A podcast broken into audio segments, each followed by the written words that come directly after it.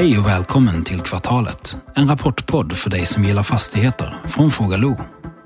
I detta avsnitt hör vi Annika Ånäs, VD för Atrium Ljungberg, kommentera bolagets rapport för tredje kvartalet 2021.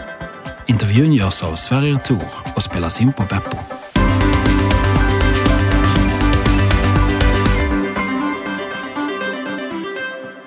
Hej och välkomna tillbaka till en ny säsong av Kvartalet. Det är vår andra säsong och först ut är Annika Ånes. Hej Annika och välkommen! Hej och tack! Kul att se dig! Ja, det är alltid lika kul att vara här. Eller hur? Eller hur? Och du är glad så jag antar att du är nöjd med rapporten? Nej, men jag tycker att det är en bra rapport. Mm, mm. Jag måste säga, eh, det brukar vara en bild på vdn på vd-ordet. Och ni har ju valt den där du verkligen blickar mot framtiden. Jag tycker det är riktigt coolt. Snyggt jobbat. Men hörru du, om du skulle sammanfatta Q3 snabbt, mm. vad säger du då? På en övergripande nivå så tappar vi lite på hyresintäktssidan och det är för att vi har sålt våra fastigheter i Arvinge. Mm.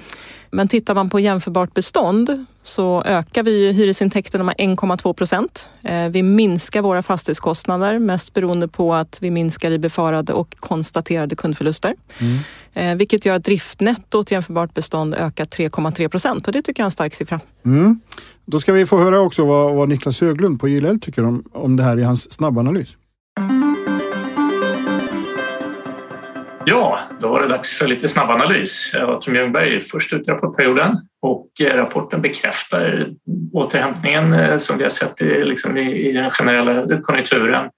Eh, och även om det finns fortsatt vissa covid-rabatter så har hyrestillväxten vänt till positiv på jämförbar basis. Nettouthyrningen är på positiva sidan, vilket är skönt att se. Och omvärderingen och substansvärdet hänger med, drivet av både högre driftsnetton och något lägre gilder.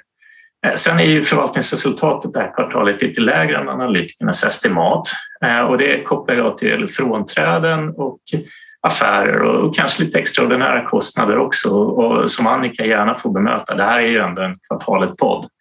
Eh, men det är också värt att nämna att bolaget faktiskt gjorde en positiv vinstvarning förra kvartalet drivet av projektomvärdering så det är inte helt lätt för analytikerna att kalibrera om man ska säga någonting.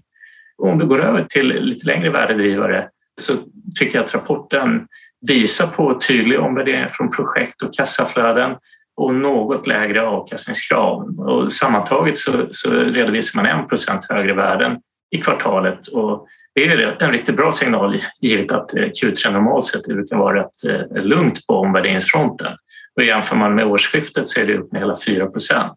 Och tillsammans med kassaflöde då så ger en omvärderingseffekt eh, en positiv effekt på substanstillväxten på hela 13 procent jämfört med förra året och 9 procent sedan årsskiftet och då har vi ett kvartal kvar.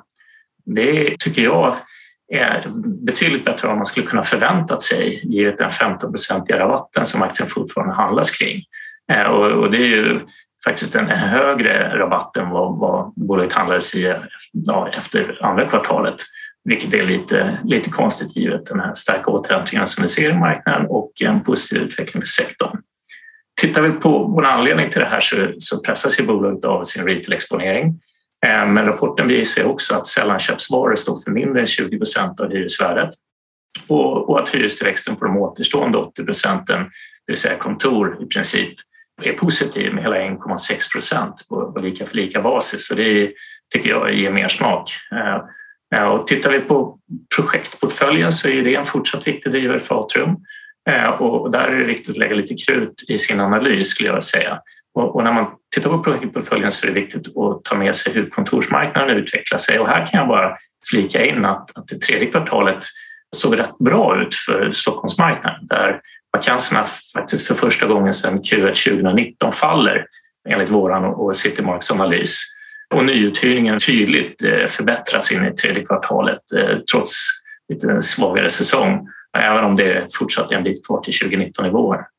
Sen är det ju så att när det gäller framtida utveckling så är, gäller det ju även att, att man fångar upp viktiga värdedrivare framåt och här får Sverige gärna pressa Annika lite grann och prata om sin framtidsrapport eh, som presenterades tidigare i veckan. Och den visar på att kontoren även fortsatt är en viktig samlingspunkt och att många vill ha ett tredje kontor nära hemmet. Det är lite tvärt emot eh, kontorsdöden som vi pratat om de senaste 15 månaderna och ljuva ord för efterfrågan av hållbara effektiva kontorsytor framöver. Och det är definitivt någonting som skulle vara en viktig drivare för Atrium i sina framtida projekt. Ja, då tackar vi Niklas. Och Annika, jag, jag ser att ni har en ganska kraftig ökning av administrationskostnader. Det är ändå 33 procent på kvartalet. Och jag antar att det har med ledningsgruppsförändringar att göra. Det stämmer. Eh, så det, det är liksom en engångskaraktär ja. på den. Bra. En annan sak som jag tänkte specifikt fråga om är coronarabatterna. Ja. Som ni har lämnat 11 miljoner hittills i år. Mm. Eh, hur mycket under kvartalet? Det framgick inte. Eh, jag tror att vår resultateffekt i kvartalet är ett par miljoner så att de har ju verkligen minskat över tid. Och nu ser jag framåt här i Q4 att då är det stopp med coronarabatter. Mm, ja, det är så. Eh, för nu är det ju så att eh, det har varit en återgång till kontoren. Mm. Verksamheten börjar rulla på. Folk börjar handla mer i butik och så vidare. Så att det känns ju väldigt skönt och hoppfullt för framtiden. Mm, men det är, det är liksom stopp? Det systemet var i kraft tills, tills restriktionerna släpper? Eller finns det någon? Nej, precis. Eh, det fanns en lagstiftning fram till Q3 eh, och sen är jag osäker på faktiskt om när man har förlängt det året ut. Men, men för Atrium Ljungberg är det stopp. Okej, okay, okej. Okay. Bra, det var nästa fråga. eh, nettouthyrningen är ju, är ju väldigt stark. Mm. Eh, både på, på årsbasis hittills och, och på, under kvartalet. Eh, dock projektfastigheten var ju minus 6. Är det som jag tolkar det var det att ni eh, säger upp avtal för i befintliga fastigheter som, som ska liksom byggas om? Ja men precis, vi har ju några fastigheter där vi ska gå igång med projekt. Så det är i, i Slakthusområdet, det är Söderhallarna och sen har vi en kontorsfastighet i Hagastaden där vi behöver göra ett större ombyggnadsprojekt. Mm. Och då har vi själva varit aktiva i att säga upp hyresgästerna och då har vi fått en negativ effekt i kvartalet på 18 miljoner. Mm. Men trots det så rapporterar vi en positiv siffra på 5 i kvartalet. Ja, precis. precis. Det där har ju varit en diskussion förr med just i, i ert fall med just uh, uppsägningar. Eller mm. där, där, ni har själva liksom gått in och, och men, men eh, känner att det är någonting som, som marknaden har svårt att ta till sig? Om du ska nu recensera de som alltid recenserar dig. Nej, men marknaden vill alltid se positiva siffror. Ja. Eh, å andra sidan när man är en väldigt aktiv fastighetsägare som vill göra bra saker och öka på avkastningen på längre sikt, då måste vi göra den här typen av förändringar. Mm, mm. Eh, och aktiemarknaden är ju väldigt kortsiktig eh, medan vi jobbar utifrån ett mycket mer långsiktigt perspektiv. Mm. Vi ska komma in på det. Jag hittade någonting som jag tyckte var otroligt intressant i rapporten. Men vi börjar ändå med att prata lite finansiering också. Mm. Ni har 56 procent grönt. Ja. 47 hade ni i fjol. Mm. Eh, ser du, har du något datum för oss när, när ni är 100 procent gröna? Exakt när vi är på 100 vet jag inte, men just nu jobbar vi på att ta fram nya hållbarhetsmål. För vi har haft eh, hållbarhetsmål som nu löper ut 2021. Mm. Eh, så det görs ett stort arbete kring hållbarhet på Atrium Ljungberg. Och i samband med det kommer vi också lansera nya gröna ramverk för eh, obligationsmarknaden. Och det görs i samband med vår kapitalmarknadsdag som vi tänker ha i samband med att vi släpper Q4. Mm. Mm. Eh, hur känner du just kring finansieringen? Nu, nu är det ju temporärt också CFO i bolaget. Alltså hur, hur har det sett ut efter pandemin, är det fortfarande ett tryck neråt på, på finansieringskostnaderna? Ja, men kapitalmarknaden är stark men vi ser ju ett litet tryck uppåt faktiskt på kostnadssidan eh, på marknaden. Mm. Eh, sen om den är temporär, den är, går ju ändå lite upp och ner hela tiden. Eh, men det finns ändå en stark underliggande marknad eh, på finansieringen. Mm. Eh, sen har vi i kvartalet gjort både lite förlängningar på ränta och kapitalbindningen eh, och samtidigt tagit upp nya RCFer, sådana här backuper ifall mm. det händer någonting. Vilket gör att det har kostat lite grann mer men det blir ju som en lite hängslen och livrem då för framtiden. Mm, mm. En sak som är ju alltid varit lite av eh, ert adelsmärke tillsammans med några andra bolag i branschen är ju räntetäckningsgraderna. Mm. Ni har ju alltid haft höga räntetäckningsgrader, i alla fall de här snart nio åren som jag har bevakat Atrium Ljungberg. Mm. Och just i tider när räntan är eller pengar i stort sett gratis, då är ju räntetäckningsgraderna, det är jätteviktigt att ha dem höga för att för att så fort räntekostnaderna löper iväg så borde det påverka. Mm. Ser, är, känner du tryck med de nivåerna? Ni ligger på 5,5 nu tror jag. Ja, nej men det är ju en, det är en jättebra siffra. Om man plottar in oss i jämförelse med våra branschkollegor så ligger vi ju högt både på räntetäckning, kapitalbindning. Men trots det är ju vår snittränta bra eh, mm. och den kombinationen är ju, då är man nöjd. 1,7 va? Ja. Mm, precis just det här med, med liksom det finns ju kostnadseffekter som man kan skönja nu på, på horisonten. Elpriserna har ju stigit mycket i södra Sverige där ni är aktiva. Mm. Hur, hur ser era typavtal ut? Får man fråga det? Liksom, sett till just elkostnader och mediekostnader. Eh, Huvuddelen av våra avtal som vi har skrivit med våra hyresgäster så fakturerar vi ut elen för hyresgästernas förbrukning. Okej. Så vi påverkas ju ganska marginellt eh, när det blir en kostnadsökning. Dessutom säkrar vi elavtalen ett år i förväg. Ehm, Okej. Men ehm, det är klart att när vi har vakanser så blir ju våran kostnad något högre då för att då tar vi ju den elkostnaden. Mm. Mm. Bra, du, nu ska vi komma in på det här som jag hittade i rapporten. Jag tyckte det var jätteintressant. Eh, sidan 16 så har ni en eh, sammanställning av möjliga projekt. Mm. Och om jag tolkar det rätt så är det sådana som ni inte har kört igång. Det stämmer. 37 miljarder Ja, är en helt en, enorm siffra. Ni har en balans på 50. Slakthusområdet har jag ju tjatat på det tidigare och, och nästan så att du blir arg på mig någon gång. Att det var ju 8 miljarder. Ja. Alltså, Ja, men nej, vi har en Berätta. fantastisk eh, projektportfölj då. Eh, 37 miljarder inom den marken väger och de markanvisningarna som vi har skrivit avtal kring. mm, Eh, och de stora utvecklingsområdena är ju Sickla i Nacka där vi ska investera 12 miljarder de kommande åren. mm, Eh, sen har vi Slussen, eh, Slakthusområdet, Hagastaden och en del i Uppsala och på andra ställen också. Men om man pekar ut de större områdena. Eh, och de här platserna har ju antingen ett tunnelbaneläge idag eller ett kommande tunnelbaneläge i framtiden när det gäller Stockholm då. mm. Vilket gör att, eh, att det är en, en trygghet och en verkligen möjlighet framåt att, att eh, det finns en tillväxt på de här platserna. Mm, mm.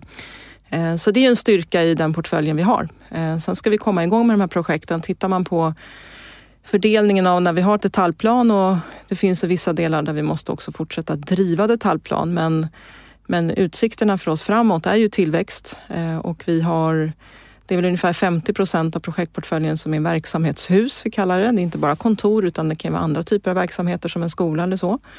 Eh, Och sen har vi ungefär 40 procent som är bostäder, där huvuddelen är bostadsrätter. Mm. Och just vår bostadsrättsdel har ju eh, kommit igång ordentligt nu Mm. och vi har slutsålt på Nobelberget i Sickla.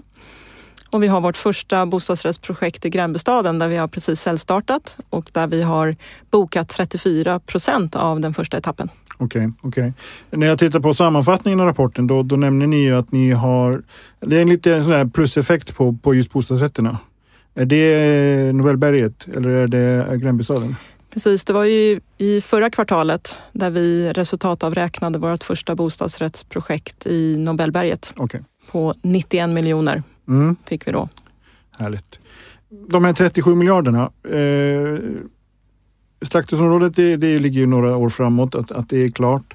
Eh, när tror du liksom att organisationen är mogen för att ta, ta ett annat? Är det, är, det är inte riktigt lika stora projekt såklart. Utan det är många olika. Men är det här någonting ni kan göra löpande eller behöver ni fokusera på, på Gränbystaden? Nej, men vi har ju byggt hela vår projektorganisation nu efter våra stora områden framåt och där vi har rekryterat över tid. Eh, så att vi har en väldigt stark organisation för respektive område som ska driva de här projekten över tid. Mm. Eh, Och vi eh, trodde faktiskt att det skulle vara svårt att rekrytera till exempel byggprojektledare här för några år sedan. Men det visar sig att vårt arbetsgivarvarumärke är väldigt starkt och vi har lätt att rekrytera duktiga människor. Mm. Så om du har någon form av prognos, typ när ni är igång eller när ni är klara, när, när de här börjar ticka in egentligen, har du någon, någon sån? Nej, men vårt övergripande mål är att vi ska investera 2 miljarder om året i egna utvecklingsprojekt. Vi landade ju på 1,6 miljarder de här första nio månaderna så att prognosen för det här året ser bra ut. Mm. Eh, Och går vi in i nästa år så ser ju inte jag att den takten ska minska. Eh, Men vi behöver komma igång med nya projekt. Och det nästa projektet vi hade tänkt att starta det var ju stationshuset i Sickla. Mm. Eh, Och där vi tyvärr har en överklagande process just nu. Det har Okej. varit i Mark och miljödomstolen.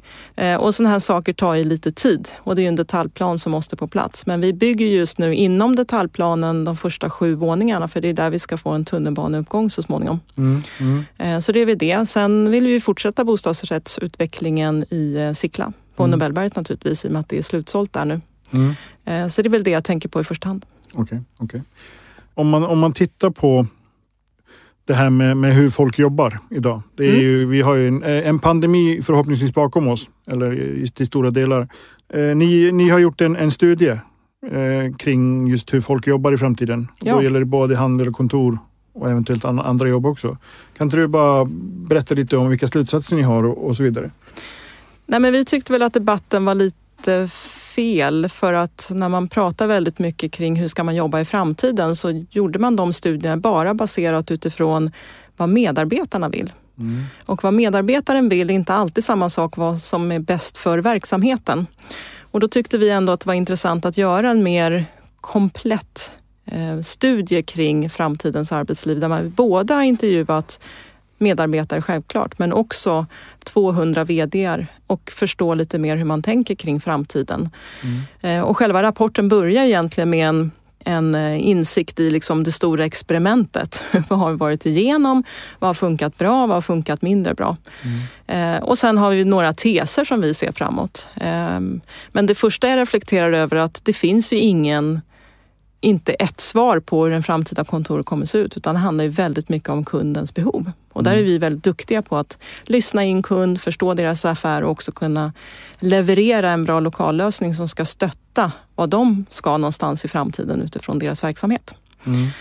Eh, Men man pratar om en arbetsplats som hälsopalats för att också möta medarbetarnas vilja och behov. Eh, Hur kan vi få ihop arbetsplatsen med också just att det blir en trevlig plats att vara på? Eh, Men framför allt pratar vi om från aktivitetsbaserat till relationsbaserat.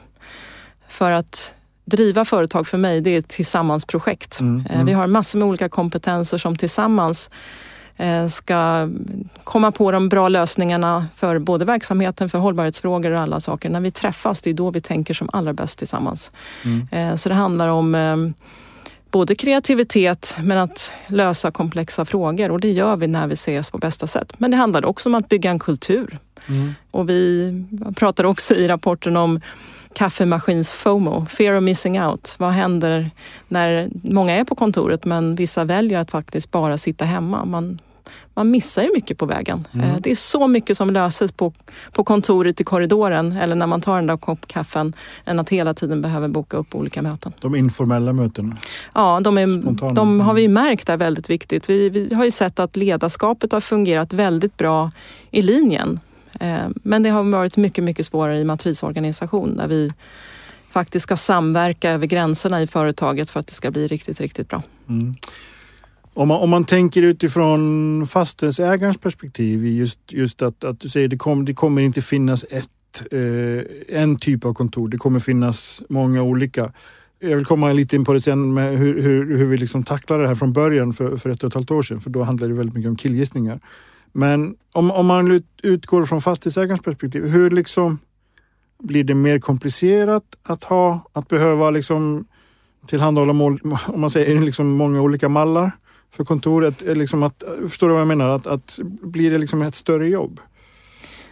För oss tycker inte jag att det skiljer sig, för det handlar ju hela tiden om att möta kundens behov. Ehm, Och det är ju det som vi har varit duktiga på, men vi tittar ju inte heller bara på själva kontoret, utan det är också en del i undersökningen att vi pratar om identitetskvarteret. Eh, Eh, att det är sakerna utanför kontoret som också blir allt mer viktiga. Vi vill ju inte behöva tvinga medarbetarna att gå till kontoret, utan vi vill ju att de ska vilja komma till kontoret.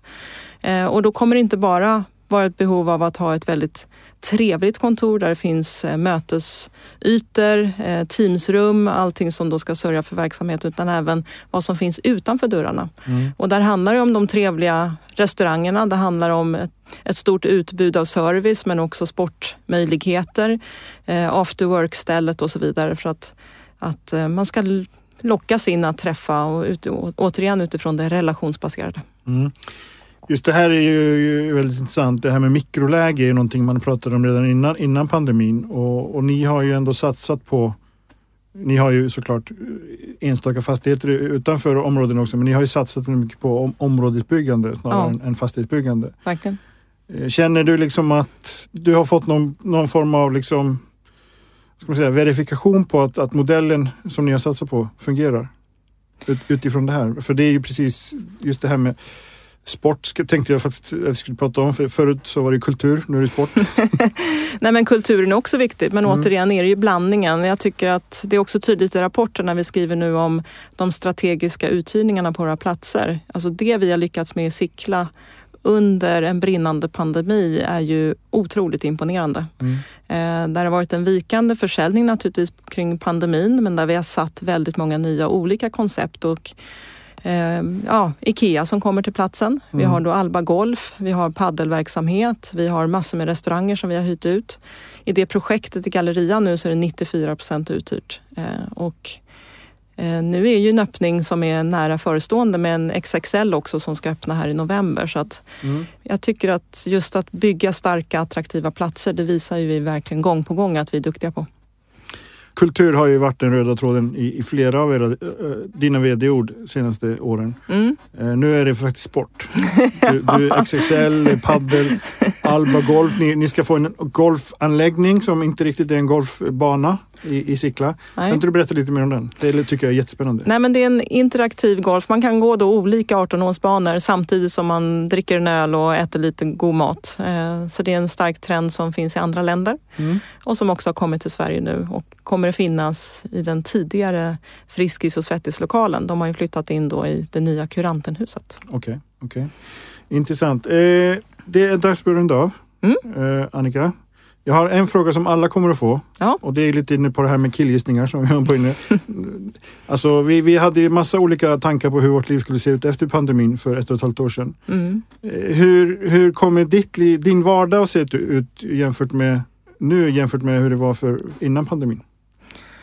Ja, det här är lite roligt. Min eh, assistent eh, påminde mig häromdagen att eh, precis i samband med pandemin så uttryckte jag någonting sånt här som att det händer ingenting i mitt liv. och det såg jag raskt till att göra någonting åt. Så vi bestämde oss ju för att starta igång ett flyttprojekt inom familjen. Okej. Eh, Så vi har flyttat eh, en gång till ett eh, mellanboende. Mm. Eh, Och faktiskt idag då så går flytten in till det nya boendet. Eh, Så att min man är nu på plats och håller på att ta emot flyttkillar medan jag sitter här. Eh, Så det har ägnat mycket av min pandemitid. Eh, Och sen har vi också bytt båt så att eh, det har blivit en hel del putsande på båten. Mm. Men jag har ägnat eh, annars mitt liv väldigt lika egentligen. Jag har ju själv varit på kontoret varje dag. okej. Men vi har inte varit så väldigt många där. Så jag har ju suttit själv i ett stort konferensrum och tyckt att livet har varit ganska tråkigt faktiskt. Mm. Eh, För det är just interaktionen med andra människor som jag tycker är så fantastiskt roligt. Mm. Ja, men det är ju det. det, är ju det. Mm. Stort tack Annika och lycka till med flytten. Tack! Det är ju ett väldigt speciellt boende jag ska till så det här blir ju otroligt spännande. Ja, kul. Du- Du får berätta mer i nästa, nästa avsnitt. Ja, det gör jag. tack ska du ha. Tack! Och tack för att ni har lyssnat.